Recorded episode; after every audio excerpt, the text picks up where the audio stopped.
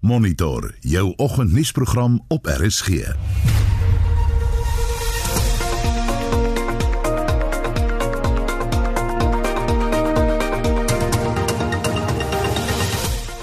die program stormsterk winde rig groot skade in die Wes-Kaap aan.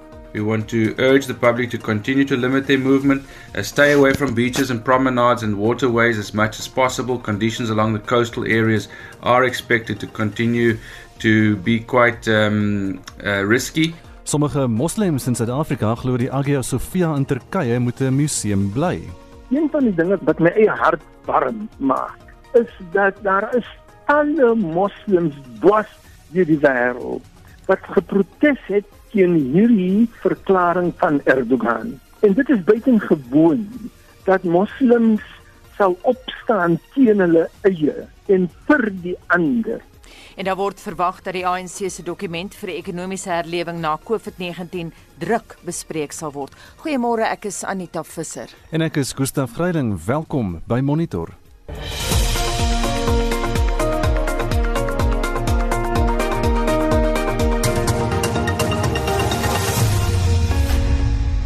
Dis 12 minute oor 6 is ingeskakel hier by Monitor op RSG 'n oorsig van die koerant voorblaaie vir Dinsdag die 14de Julie. Die burger volgens storm in Wes-Kaap saai verwoesting. Oorstromings en kragonderbrekings kom wyd voor en 'n dramatiese foto dan van die see by Drieanker Baai gister toe die skuimende branders die hele kusweg oorstroom en selfs motors verswelg het.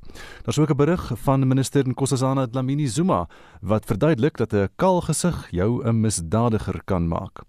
Beeld se opskrif vandag beddens dis rede vir tekort en dit oor die vinnige stygings in COVID-19 getalle in Gauteng in so kort tydperk wat die gebrek aan hospitaalbeddens veroorsaak het.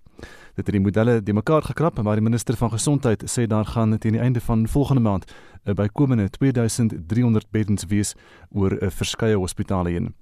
Daar's ook 'n foto van 'n angstige worshondkruising nadat sy uit 'n manggat in Boksburg gered is deur die DBV. Volksblad vandag COVID-19 tref artse, maar wees bly as jy in bloem is, want daar is die getalle heelwat minder en as jy nog beter af as jy in die voorste linies stry teen die koronavirus. In die private Rosepark en Medikliniek eh, Bloemfontein hospitale is die bedbesetting reeds bo 90%. En 'n mooi foto by 'n berig wat sê Boet Troski se spog villa opgevuil. Die Toskaanse villa van die stad se rolprentmagnaat word oor 2 weke opgevuil opgevuil. Business Day vandag, liquor bosses see disaster due to ban dis die drankbedryf wat onkant betrap is deur Sondag se aankondiging oor alkoholverkope en hulle het in die vorige ronde juis 18 miljard rand verloor. Internasionale bbc.com Kalifornië stel weer strengere beperkings in na nog 'n vlaag koronavirusinfeksies. En is vinnige oorsig oor vanoggend se nuus. President Cyril Ramaphosa het in sy toespraak Sondag aand gesê die verbod op drank word heringestel en dan ook 'n aandklokreël. Dit word gedoen weens misdaad en alkoholverwante ongevalle wat na die opheffing van die drankverbod weer toegeneem het. Kom ons luister na wat 'n dokter van Helen Joseph Hospitaal in Johannesburg, Kimeshni Naidu sê, hierdie ongevalle neem hospitaal hospitaalbeddens in beslag wat vir COVID-19 pasiënte benodig word. It was a massive, massive increase. They had been taking up so many of our beds to the point where there weren't enough beds for COVID patients to be seen. And also, the problem is, is that a lot of these patients who come in with alcohol related trauma sometimes need to be ventilated. And then, how do you choose between a COVID patient and now a patient that has been fighting and being stabbed over alcohol related things? Over COVID patients. It's a very difficult decision to make. Dit dan Dr. Kimeshni Naidu van die Helen Joseph Hospitaal in Johannesburg. Intussen het die minister van Gesondheid Zweli Mkhize ook gister op hierdie tema uitgebrei. Vanoggend wil ons weet, stem jy saam met die herinstelling van die verbod op drank as ook 'n aandklokreël? Stuur vir ons 'n SMS na 45889. Onthou elke SMS kos R1.50 of jy kan saamgesels op Facebook by facebook.com vorentoe skynstreep ZRSG of WhatsApp vir ons stemnota na 076 536 6961 076 536 6961. Dit is nou 16 minute oor 6 en drankhandelaars sê intussen hulle is verpletter oor die verbod op die verkoop van alkohol. President Cyril Ramaphosa het aangekondig dat Suid-Afrika se koronavirusinfeksies ingrypend toeneem en daarom die herinstel van die verbod. Maar drankhandelaars meen die verbod is te gou en sonder raadpleging ingestel. In sy toespraak aan die land het president Ramaphosa benadruk dat die onmiddellike verbod op die verkoop en verspreiding van alkohol, tesame met 'n landsvrye aandklokreël tussen 9 en 4 in die oggend, sal bydra tot die beskikbaarstelling van hospitaalbeddens, veral in die trauma en intensiewe sorgeenhede in hospitale. We've now decided that the sale, the dispensing and the distribution of alcohol will be suspended with immediate effect. There is now clear evidence that the resumption of alcohol sales has resulted in substantial pressure being put on hospitals, including trauma and ICU units. Most of these and other trauma occur at night. Therefore, as an additional measure to reduce the pressure on hospitals, a curfew will be put in place. Sean Robinson van die Drankhandelaarsvereniging van Suid-Afrika sê hulle was verras deur die president se aankondiging.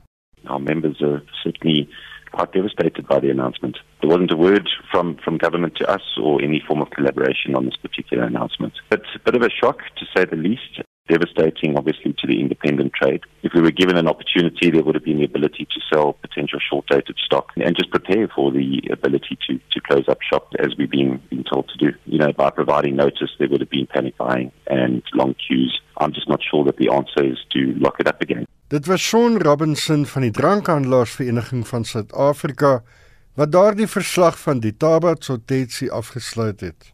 Ek is Hendrik Martin vir SAK nuus.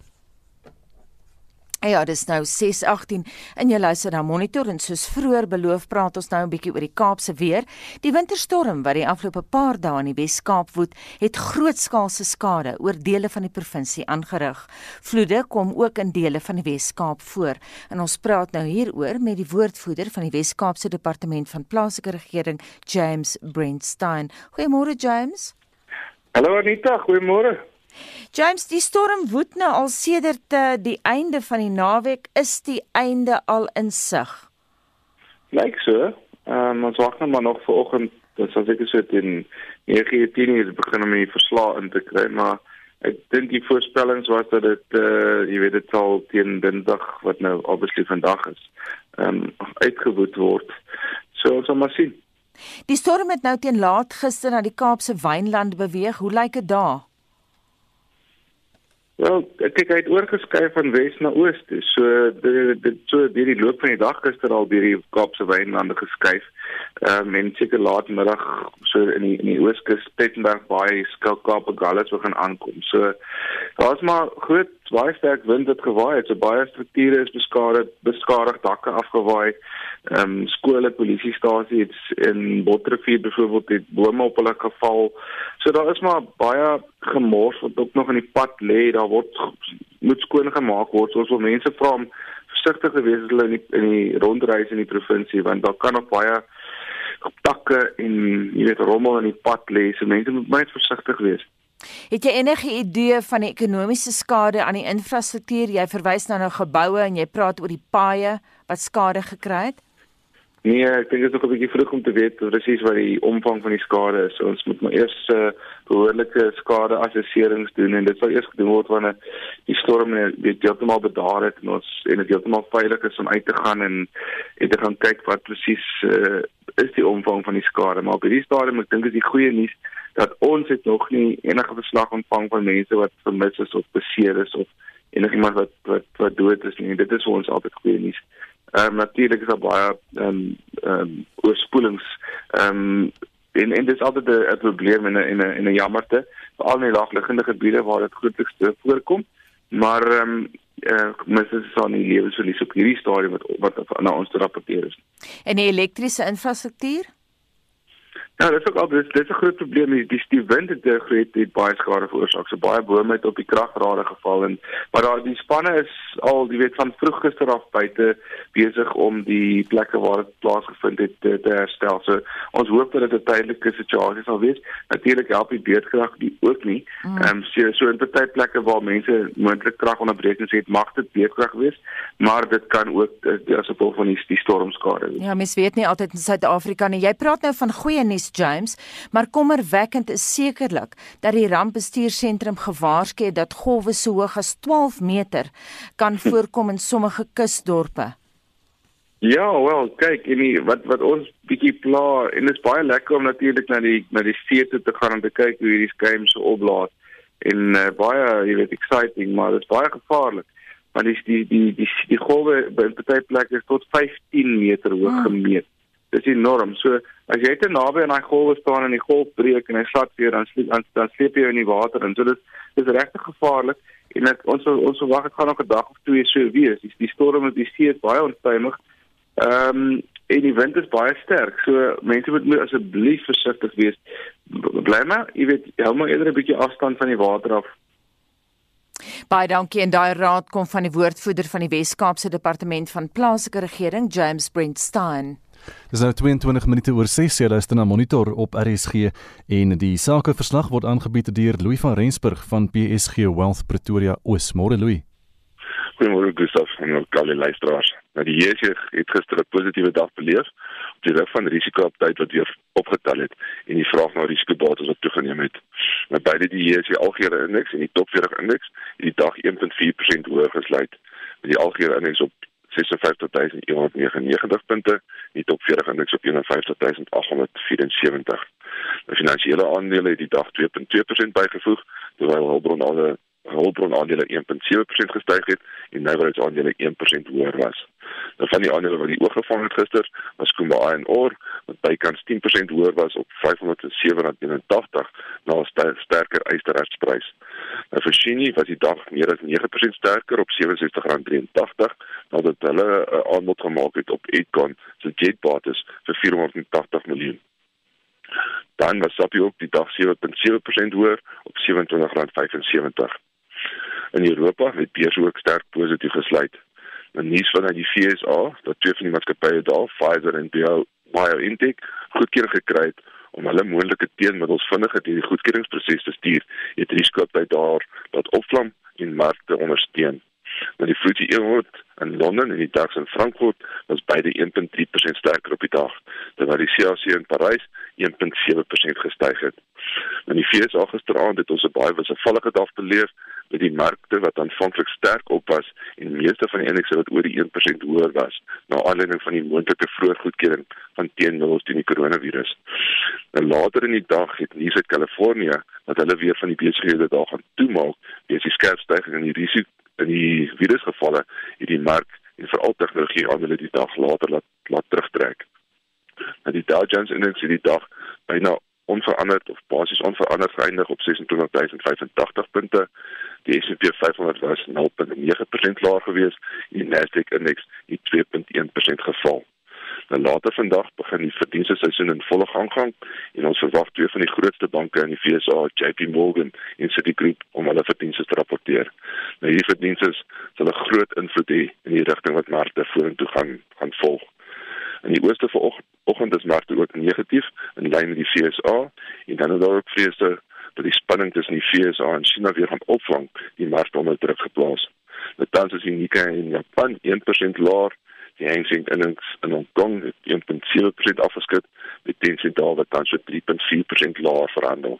Al die ASX in Australië is op die oomblik so 0.7% laer. So dan ander weer na die aanwysers toe, vra nog gou so klein bietjie laer vanoggend, 1798 dollar per fyn ons, platinum op 836 dollar en dan vat Brent olie. Ekskuus tog. Ons sal die vanoggend 41 rand 41 dollar 85 kos. Dan laastens die rand verhandel swakker teenoor die dollar op 16.85 en dan teenoor die euro skuis tog op 19 rand en 11 sent en 'n Britse pond sal vanoggend 21 rand en 15 sent kos. Dit al van my kant af en ek hoop dit 'n wonderlike dag. Dankie Louw en dit was dan die sakeverslag aangebied deur Louis van Rensburg van PSG Wealth Pretoria Oos. Die ministers van gesondheid en sosiale ontwikkeling het Suid-Afrikaners gevra om hulle gedrag te verander sodat die vinnige verspreiding van die koronavirus beperk kan word. Hulle het die media in Pretoria toegespreek na president Cyril Ramaphosa vroeër nuwe COVID-19 regulasies aangekondig het. Lila Magnus was daar.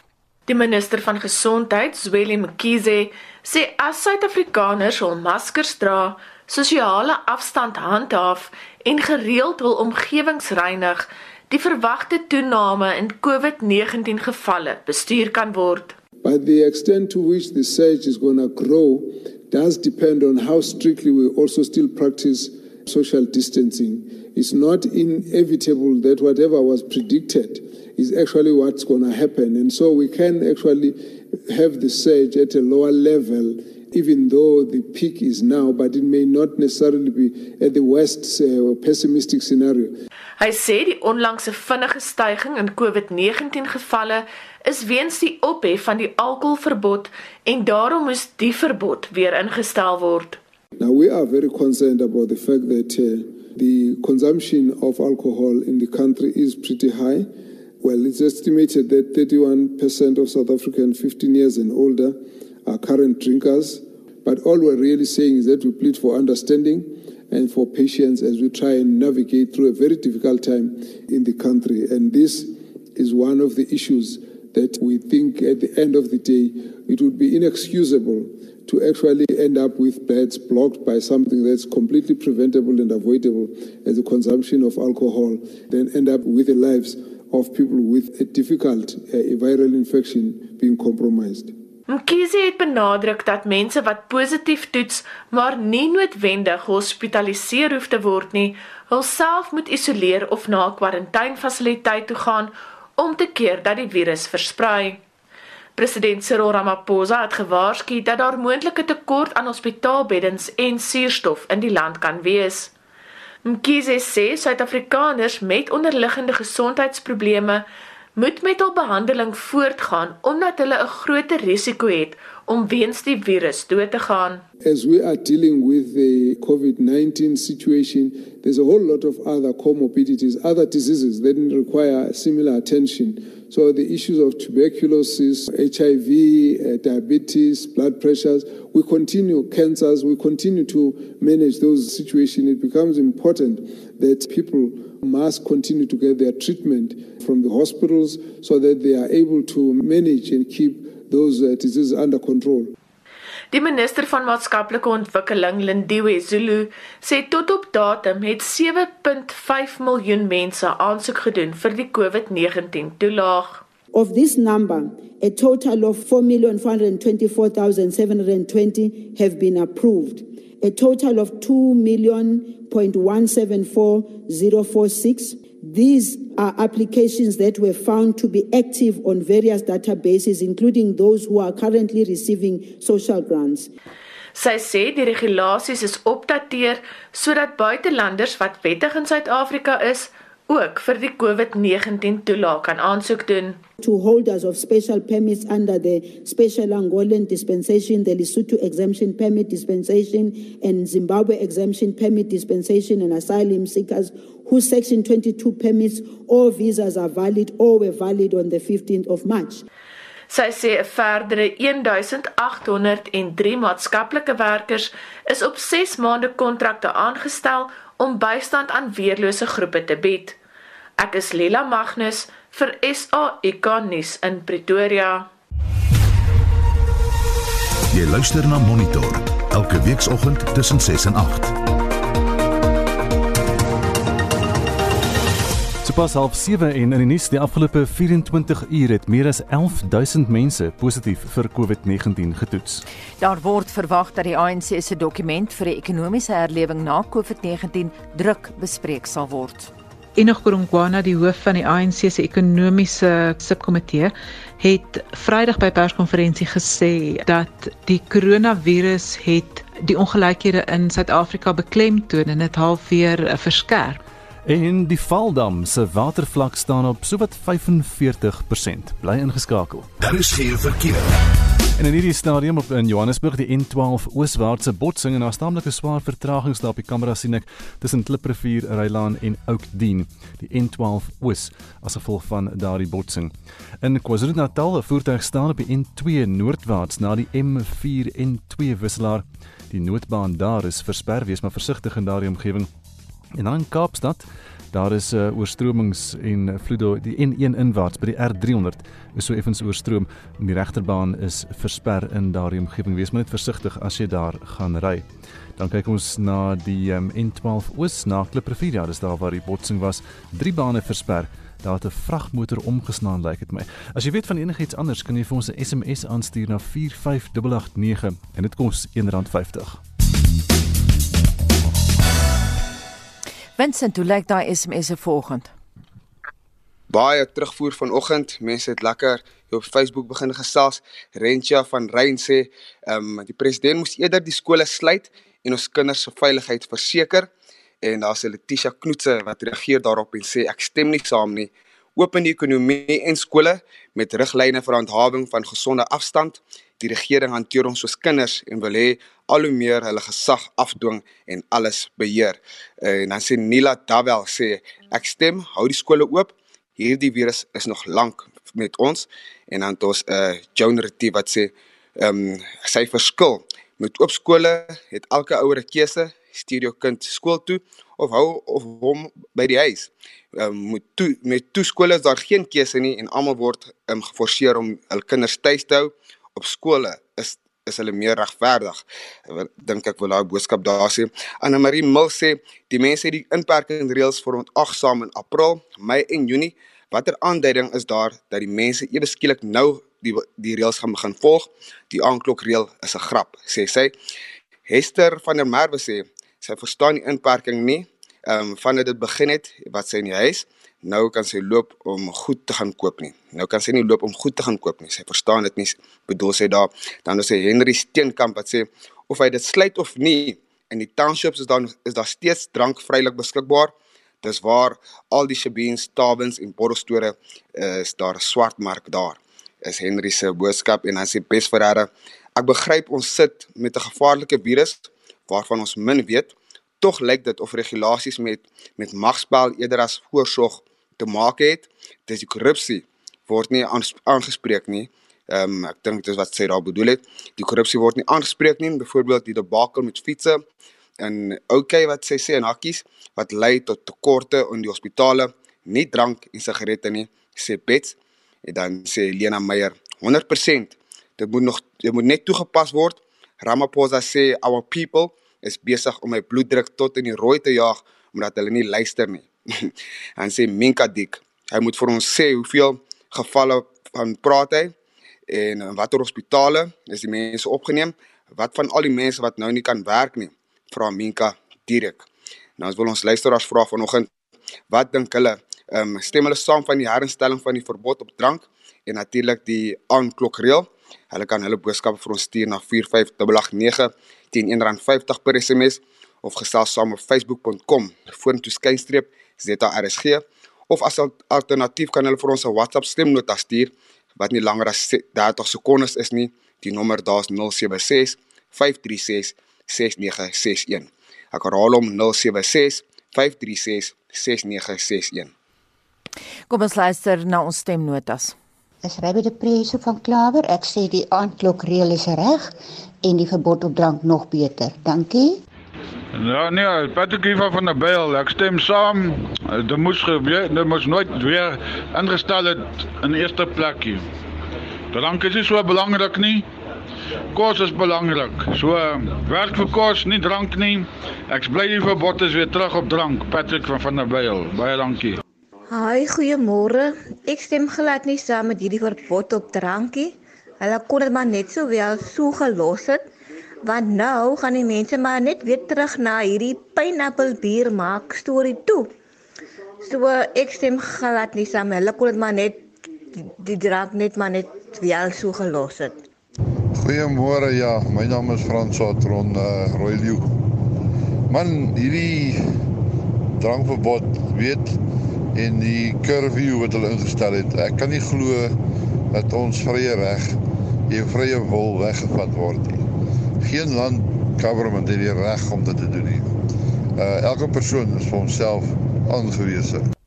Uiteenlopende menings daar, jy kan later ook jou mening laat weet oor hoe voel jy oor die nuwe reëls en natuurlik geen drankverkope nie. 637 jy luister na Monitor en hier is Shaun Jooste met die jongste sportnuus. Kom ons kyk wat gebeur op die jongste rangliste en puntelere. Op die internasionale kriketraad se toetskampioenskappe punteleer is India op 360, Australië op 296 en Nieu-Seeland op 180 punte die top 3. Engeland is nou 4de op 146 en die Windies na 'n oorwinning oor Engeland in die eerste toets 7de op 40 punte. Die tweede van drie toetse slaan donderdag in Manchester af. Die Proteas is 8ste op 24 punte. Rugby Op Nieu-Seeland se Aotearoa punte leer, rek die Crusaders hulle voorsprong en staan op 18 punte. Die Blues bly tweede op 12 en die Hurricanes is nou derde op 8 punte. Die Islanders het 6 en Chiefs 3. Op Australië se plaaslike Super Rugby punteleer staan die Brumbies en Waratahs op 5 en die Reds op 4 punte. Die Rebels en Western Force het geen punte nie. Sokker. Die top 4 span op die Engelse Premier Liga punteleer is Liverpool op 93, Manchester City op 72, Chelsea op 60 en Leicester City op 59 punte met nog 3 wedstryde oor. Manchester United en Southampton het 2 elk gelyk opgespeel in gisteraand se kragmeting. Op die La Liga punteleer het Real Madrid 83, Barcelona 79 en Atletico Madrid en Sevilla beide 66 punte na 35 rondes. En op die Serie A punteleer is Juventus die voorlopers op 76 punte, Inter Milan en Lazio het beide 68 en Atalanta 67 punte na 32 rondes. In die golfwêreld bou Rory McIlroy van Noord-Ierland sy eerste plek met Gon Ram van Spanje tweede en die Amerikaner Justin Thomas nou derde. Suid-Afrika se Louis Oosthuizen val met 3 plekke na 24ste, Erik van Rooyen met 1 plek na 42ste en Christian Besaidnout ook met 1 plek na 48ste. Motorsport. Die van Valtteri Bottas as die voorloper op die Formule 1 punteleer na twee wedrenne en het 43 punte agter sy naam. Sy spanmaat, die Brit Lewis Hamilton, is tweede op 37 en Lando Norris ook van Brittanje derde op 26 punte. Mercedes het 80 punte op die vervaardigerspunteleer, McLaren 39 en Red Bull 26. En laastens in tennisnuus.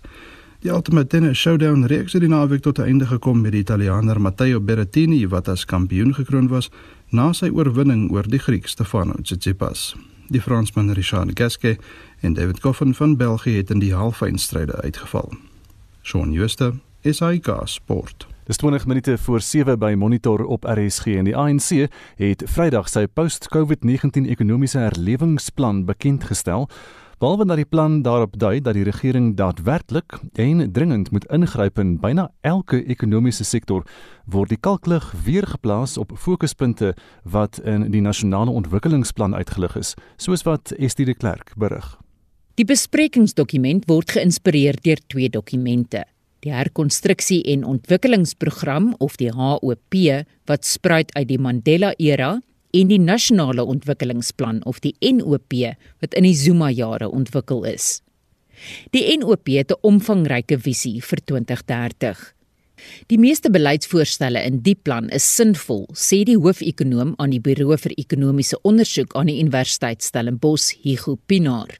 Maar die probleem is die meeste daarvan is nooit in werking gestel nie dit sou sin maak om weer die NDP nou op die tafel te sit gegeewe die goeie voorstelle wat daarin was, maar nou natuurlik is die hoop net of die nood is nou soveel meer dat die hoop nou is dat dit nou die beleidsmakers dat dat hulle daadwerklik die goed sal begin uh, implementeer omdat dit nog meer nodig is om die goed te doen. Die 30 bladsy dokument is getiteld Herkonstruksie, groei en transformasie. Bou 'n nuwe inklusiewe ekonomie.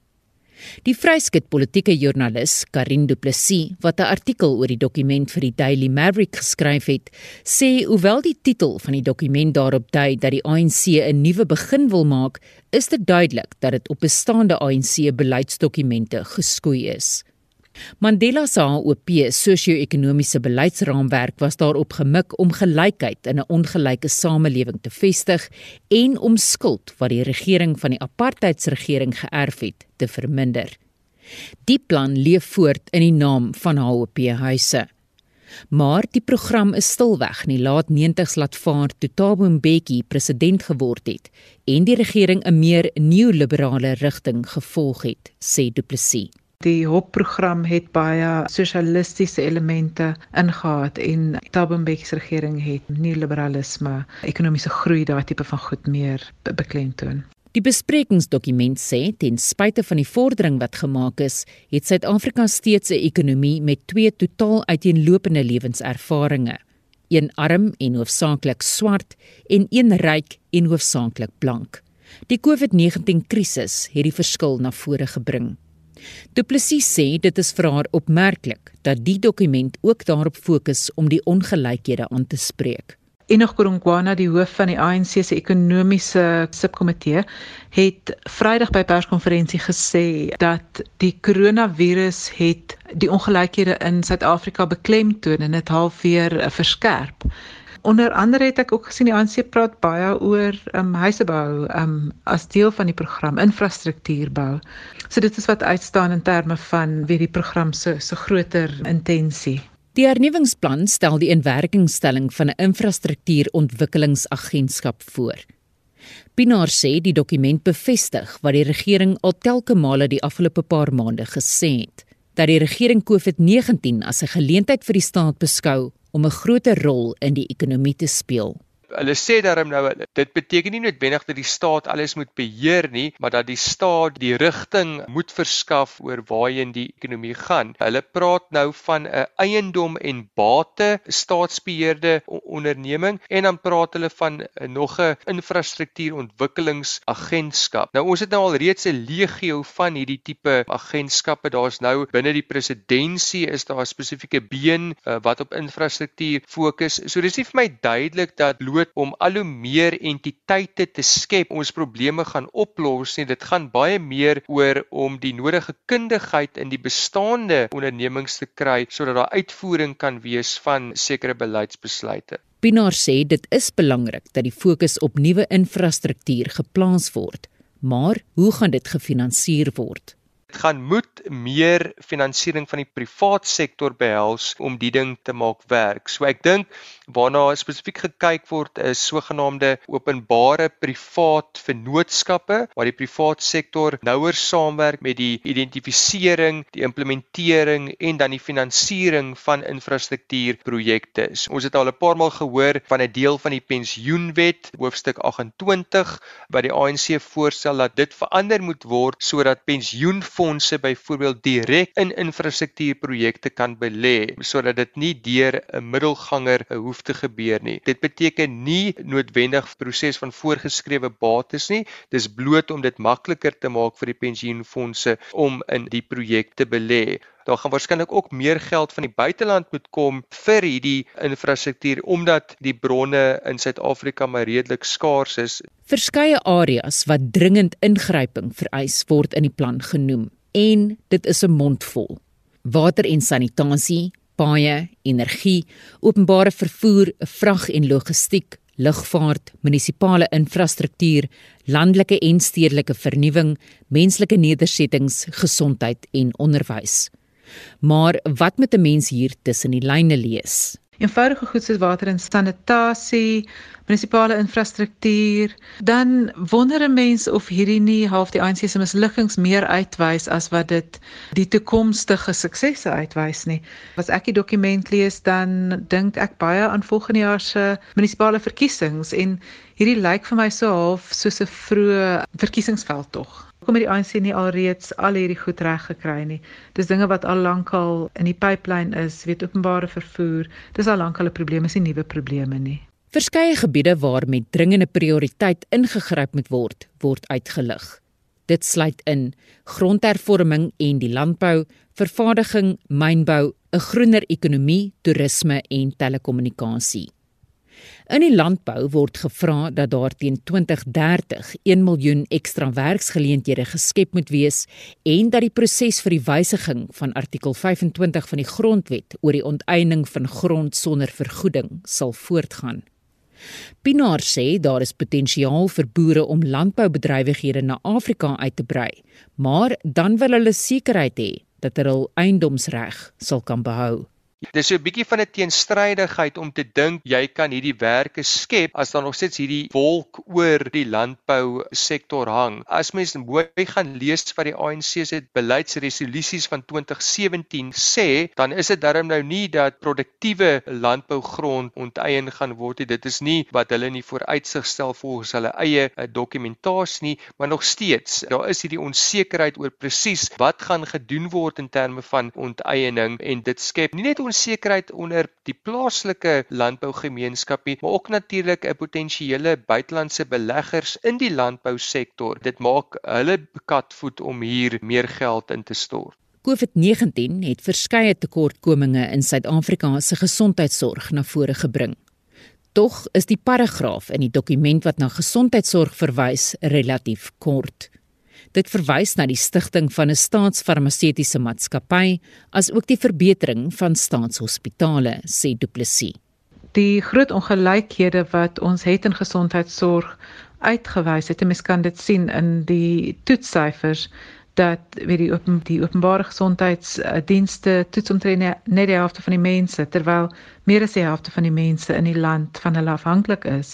So met sou verwag jy dat daar meer uh, gesê word oor die nasionale gesondheidsversekering wat die ANC al vir 'n heel wat paar jaar beplan. Ek neem aan daar's min gesê omdat dit dalk in ander dokumente vervat is. Asook die sosiale toelaag wat ook nie genoem is regtig in die dokument nie. Mense dink dat hulle iets sou sê oor die basiese inkomste toelaag, basic income grant en dit daar was niks in die dokument daaroor gewees nie.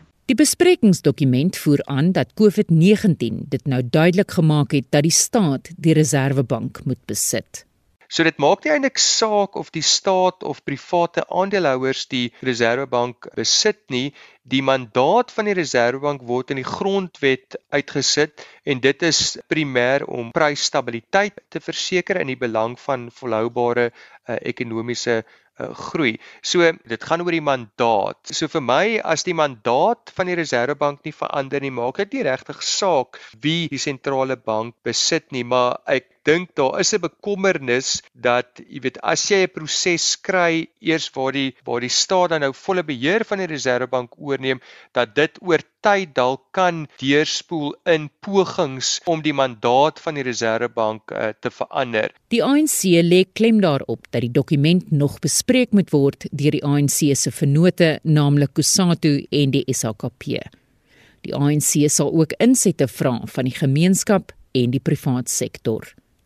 Ek is Estie de Klerk vir SAK nuus. Die Claremont Moskee in Kaapstad het die Turkse regering van Recep Tayyip Erdogan gevra om die Hagia Sophia in Istanbul as museum te bou.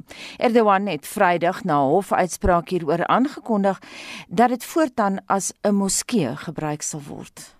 Die hoogleraar van godsdienstkunde aan die Universiteit Johannesburg, professor Farid Essak, sien die stap deur Erdogan as polities gemotiveerd.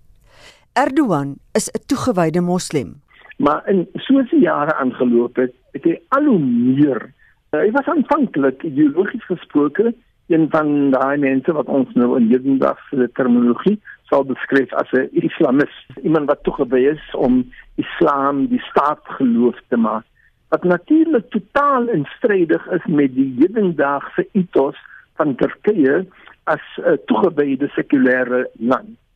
Maar wat sou die interne politieke rede vir so 'n drastiese stap wees? Erdogan se populariteit is besig aan die koing in Turkye, maar daar is 'n sterk emosionele droom, hinkering na die dae van die Ottomaanse ryk en hulle mag deur 'n groot deel van die wêreld. Erdogan is besig om daai aan te wakker.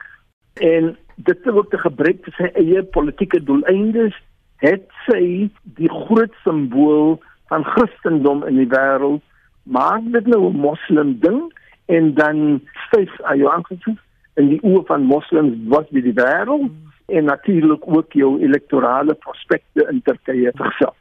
Professor Essak interpreteer die Claremont Moskee in Kaapstad se verklaring waarin Erdogan se stap gekritiseer word om die Hagia Sophia weer in 'n moskee te omskep. Aan die een kant wil hy sê dat dit is doelbewus 'n vinger opsteek vir die Christendom en vir die westerse wêreld en aan die ander kant die gevolge daarvan is 'n groot skending in die verhouding tussen Christene en moslems.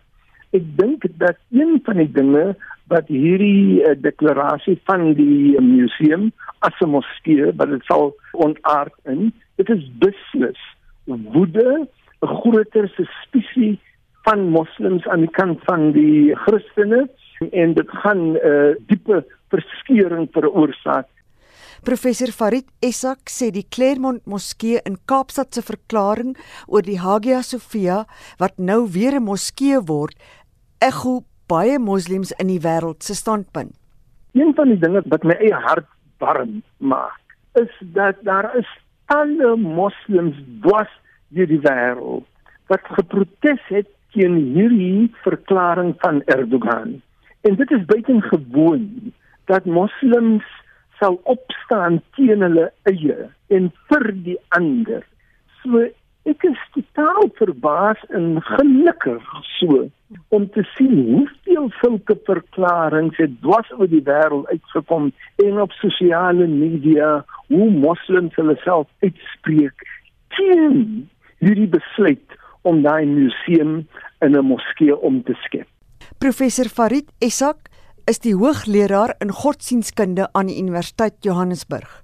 Mitsi van der Merwe, SAK nuus. So 6 minute voor 7 in gebrekkige kommunikasie oor 'n SASSA tender het daartoe gelei dat diensverskaffers met pakhuise vol kos sit terwyl duisende Suid-Afrikaners honger ly. Vincent Mofokeng berig 6 provinsies word hierdeur geraak. Diensverskaffers wat in 2016 aangestel is en wie se kontrakte in November 2019 beëindig is, het aan die journalistieke ondersoekeenheid Amabungane gesê dat hulle met miljoene rand se kospakkies in hul pakhuise gesit het weens onsekerheid oor die verlenging van hul kontrakte. Volgens 'n ondersoekende joernalis van Amabungane, Gemma Ritchie, is daar steeds probleme. There was just a glitch, nothing happened. There was a total gap from December to March There were no service providers to supply food parcels, even though Treasury had given SASA a six month deviation procurement bid saying you can choose some service providers and cover that six months. So what happens is only in April are service providers selected to uh, provide food parcels. And this is a problem because we went into a lockdown in March and with many of the businesses closing down already. And the thing is, The food parcel there is a safety gap for people who are applying for social grants and are on the waiting list or who've just lost their job. In die lig van die COVID-19 pandemie het SASSA die voorsiening van kospakkies uitgebrei om meer huishoudings in te sluit. Tog het SASSA glo teen 25 Mei slegs 73000 kospakkies afgelewer. So in 2018 SASSA delivered 443,687 SRDs which is equivalent to about 37 SRDs a month. Obviously, it's, it's dependent on who needs SRDs and which parts of the country need it. Instead, the tender was extended from August to November, with the former service providers just providing uh, food parcels to those in need. And when the bid should have been finalized in December, uh, January, um, after SASA had been given permission from Treasury to deviate from normal procurement processes. SASSA het erken dat hy vir die eerste 3 maande van 2020 geen diensverskaffers gekontrakteer het nie, maar ontken dat daar 'n tekort aan voedselpakkies was. Die woordvoerder is Paseka Letsatsi. The South African Social Security Agency had entered into contracts with service providers in each province in 2016. These contracts were scheduled to end in December 2019 after having been extended by following a due process. The contracts were entered into after following an open tender process as required by supply chain prescripts. The South African Social Security Agency has to follow approved processes in procuring any service, even during this period. There are approved processes to obtain quotation for social relief of distress where this is required in an emergency. For example, where a community has experienced a disaster such as fire or floods. The absence of contracted service providers is that that's something which can be managed and still allows us to respond to needs of communities. It should also be stressed that no service provider can have an expectation of orders from SASA if this service provider is not contracted or otherwise formally engaged through supply chain processes. Dit was SASSA se woordvoerder, Paseka Letsatsi. Ek is Vincent Mofokeng vir SAI Kanis. En indien jy die president se toespraak Sondag aand gemis het, drankverkope is weer verbode, absoluut taboe en dan is die aandklokreël terug en ons wil hê jy moet vir ons sê hoe voel jy daaroor vanoggend Vincent? Wat sê die luisteraars? Anita, kom ons hoor gou met die stemnotas. Mense is nie beïndruk nie. nee, dis definitief nodig dat uh, Ramaphosa die drank moet verban. Ehm um, ek dink ons is in ander tye en dit is baie belangrik om nou die gesondheid van die land in ag te neem sodat die ekonomie kan aangaan. Goeiemôre, Kobus Olofse, Alexander Bay. Wat my betref, sê ek al die afgelope ruk dat sigarette en drank is nie essential goods nie. Ons het dit nie nodig om te oorleef nie. Ons het nou nodig kos, ons het nodig om ons huis te betaal. En dit is die dinge van belang. So ja, ek stem saam met die alkoholverbod want op hierdie stadium lyk dit my is drank 'n probleem. My naam is Louis. Ek vermoed dat die sigarette binnekort gaan terugkom en dat die fokus van die swartmark gaan eenvoudig maar net geskuif word na drankverkope. So ja, ons regering gee net niks om vir armoede, werkverliese.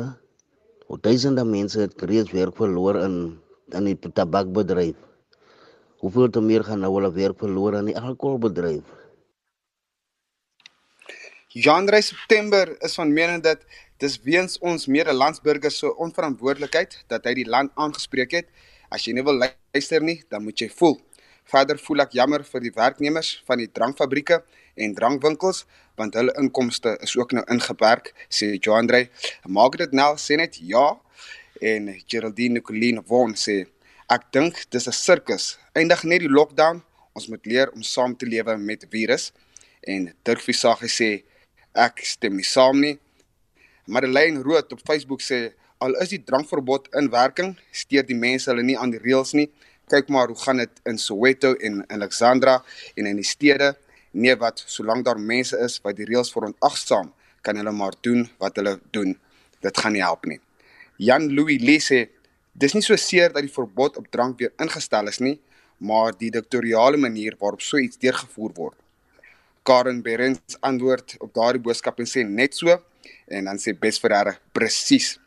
Willie Nel is van mening dat met ander woorde die regering erken dat hy niks die afgelope week afgelope 3 maande gedoen het om voor te berei vir die piek van die virus nie.